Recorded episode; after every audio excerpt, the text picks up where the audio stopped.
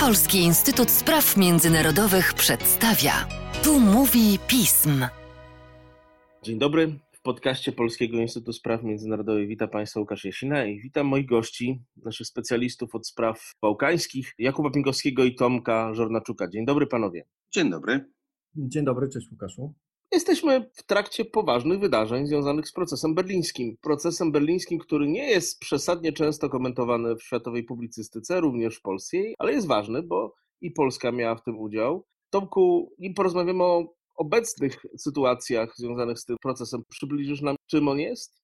Oczywiście. Proces berliński, mówiąc krótko, jest współpracą kilku państw Unii Europejskiej, w tym na przykład Francji, Niemiec i Polski, z państwami bałkańskimi na rzecz takiego ich ogólnego rozwoju, e, można powiedzieć. Proces berliński jest niemiecką odpowiedzią na deklarację Junckera, ówczesnego przewodniczącego Komisji Europejskiej z 2014 roku, kiedy Juncker powiedział, że w czasie pięciu lat najbliższej kadencji Komisji Europejskiej nie dojdzie do żadnego rozszerzenia. A zatem założenie procesu berlińskiego było takie, żeby utrzymać wzajemne zainteresowanie Unii Bałkanami Zachodnimi i Bałkanów Zachodnich Unią Europejską. Miało być to zatem wsparcie rozwoju, a nie zastąpienie rozszerzenia, czyli kluczowej polityki unijnej wobec Bałkanów Zachodnich. I polega to na tym, że co roku mamy szczyt. Pierwszy odbył się w 2014 roku w Berlinie, kolejny w Wiedniu, Paryżu, Trieście, Londynie i jak pamiętamy w 2019 roku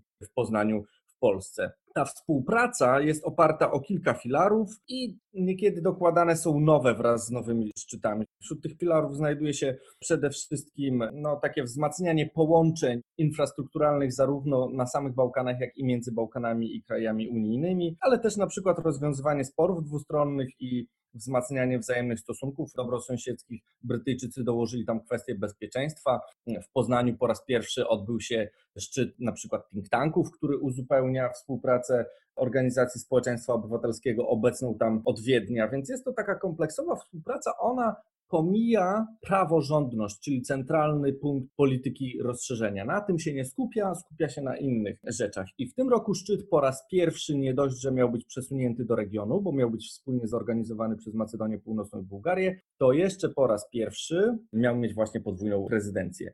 Niestety nie mógł się odbyć w lipcu, jak planowano, ze względu na pandemię i odbył się dopiero teraz w listopadzie, natomiast odbył się w dosyć nieprzyjemnych okolicznościach, ponieważ kilka dni przed rozpoczęciem szczytu Bułgaria zablokowała możliwość rozpoczęcia rozmów akcesyjnych Macedonii Północnej z Unią Europejską, które to rozpoczęcie miało nastąpić w grudniu. Więc w takich okolicznościach można powiedzieć w uproszczeniu, że najciekawsze, co pozostało z tego szczytu w Sofii, to zdjęcia.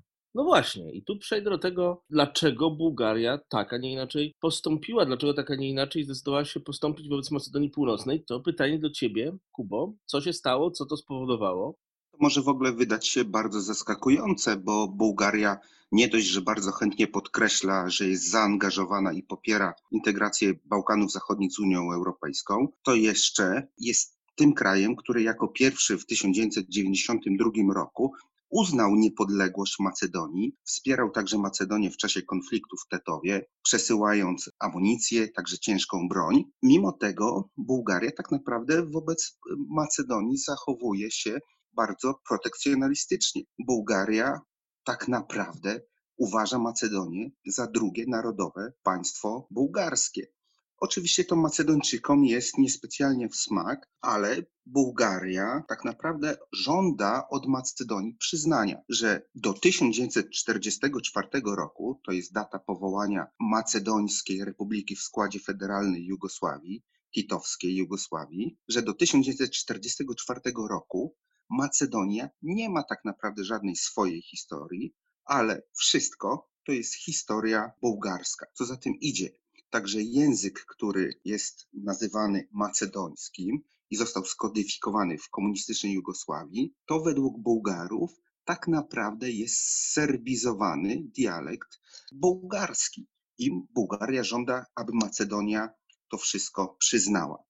Tutaj w ostatnich dniach sierpnia Bułgaria rozesłała do swoich partnerów unijnych takie memorandum, które szczegółowo wykłada stanowisko bułgarskie. Ono tak naprawdę jest skierowane i do partnerów unijnych, i po części do Macedonii. Bo czego żąda w nim Macedonia? Żąda tego, aby właśnie w dokumentach unijnych, kiedy Teraz Macedonia by rozpoczynała swoje rozmowy negocjacyjne, a kiedyś by była państwem także członkowskim, żeby w tych dokumentach nie używać w ogóle terminu język macedoński. A jeżeli już koniecznie trzeba, to żeby była dodana gwiazdka i było napisane, że to jest język macedoński według Konstytucji Republiki Macedonii Północnej, albo żeby nie pisać język macedoński, ale żeby pisać język oficjalny Republiki Północnej Macedonii. Oczywiście Macedonia na takie coś zgodzić się nie chce.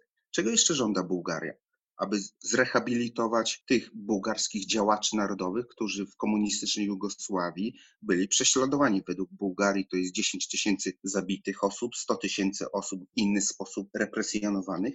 Żąda także Bułgaria, aby Macedonia Północna potwierdziła po raz kolejny mimo że to jest zapisane wprost w umowie o dobrym sąsiedztwie z 2017 roku, że nie wnosi żadnych roszczeń terytorialnych wobec regionu historycznego Macedonii Piryńskiej, które jest w Bułgarii i że nie wnosi także żadnych roszczeń, aby w Bułgarii uznać, że istnieje macedońska mniejszość narodowa. Natomiast przede wszystkim Bułgaria żąda zaprzestania, według jej mniemania, kradzieży i manipulacji historią.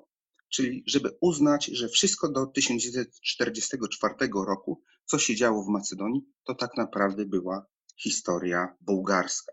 I to dotyczy kwestii bardzo odległych, jak chociażby historia świętego Cyryla i Metodego, ale i także wydarzeń stosunkowo niedawnych, bo teraz główną osią sporu jest postać Gocze Dełczewa, rewolucjonisty poległego w 1903 roku w walce przeciwko Imperium Osmańskiemu, no, który jest czczony w obu państwach, a Bułgaria domaga się, żeby jednoznacznie Macedonia przyznała, że to był bułgarski bohater o narodowości bułgarskiej i walczący o to, żeby ziemię dzisiejszej Macedonii przyłączyć do Bułgarii. Było pytanie numer dwa. Czy tylko kwestie historyczne mają tutaj znaczenie? kwestie historyczne tak naprawdę zazębiają się z sytuacją wewnętrzną Bułgarii, ponieważ to, o czym opowiadałem, jest absolutnie dominującą wykładnią bułgarskiej historiografii, zarówno w czasach komunistycznych, ale i także obecnych. Więc kwestie patriotyczne, a za takie są uważane relacje z Macedonią, właśnie wymuszenia na tym kraju, żeby przyznał, że jest tak naprawdę drugim bułgarskim państwem narodowym, to są kwestie, które cały czas rozpalają konflikty, spory polityczne. I rządząca partia GERB, premiera Bojko Borisowa, wykorzystuje te hasła do tego, żeby odbudować zaufanie społeczne, które dramatycznie spadło po wybuchu antyrządowych protestów w lipcu. I te działania przynoszą rzeczywiście rezultaty, ponieważ po zaostrzeniu sporu z Macedonią Północną po raz pierwszy właśnie w październiku sondaże Gerbu przestały spadać. Także partia rządząca jest pod presją prezydenta, bo, który jest skonfliktowany z rządem i największej na opozycji bułgarskiej partii socjalistycznej, które postulują przyjęcie wobec y, Macedonii Północnej no jeszcze ostrzejszej polityki. Zatem pole manewru premiera Borisowa tak naprawdę jest tutaj bardzo ograniczone i wszelkie ustępstwa oznaczają dla niego koszt polityczny. Tomku, pytanie do ciebie trochę na podsumowanie konflikt bułgarsko-macedoński konfliktem bułgarsko-macedońskim, ale jak e, szeroko będzie ta sprawa rezonowała w ramach całego procesu berlińskiego, a także prób akcesyjnych Macedonii Północnej?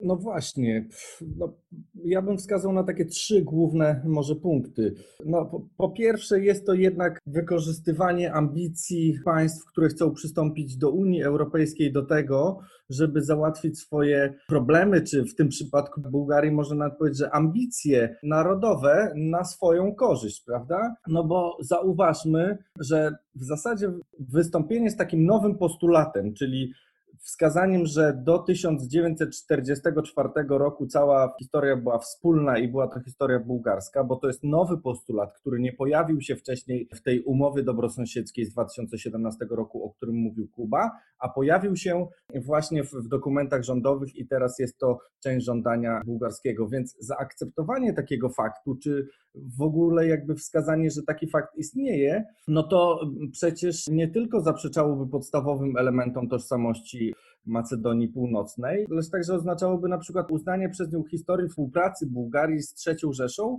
jako historii własnej.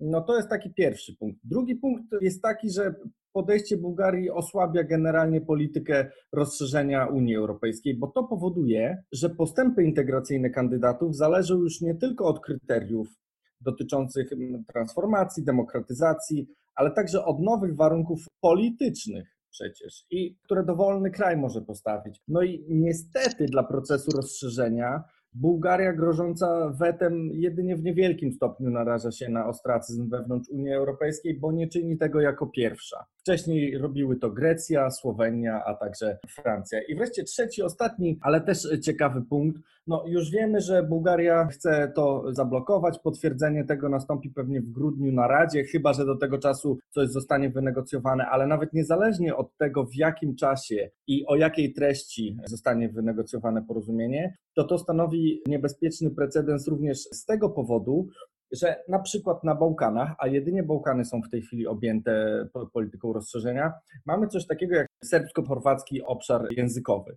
I do tego obszaru należy Chorwacja, Bośnia, Hercegowina, Czarnogóra i Serbia. I w każdym z tych państw standardowy język literacki tego serbsko-chorwackiego nazywany jest od nazwy państwa i uznawany jako oddzielny. One są wzajemnie zrozumiałe, co więcej, one są niemal tożsame.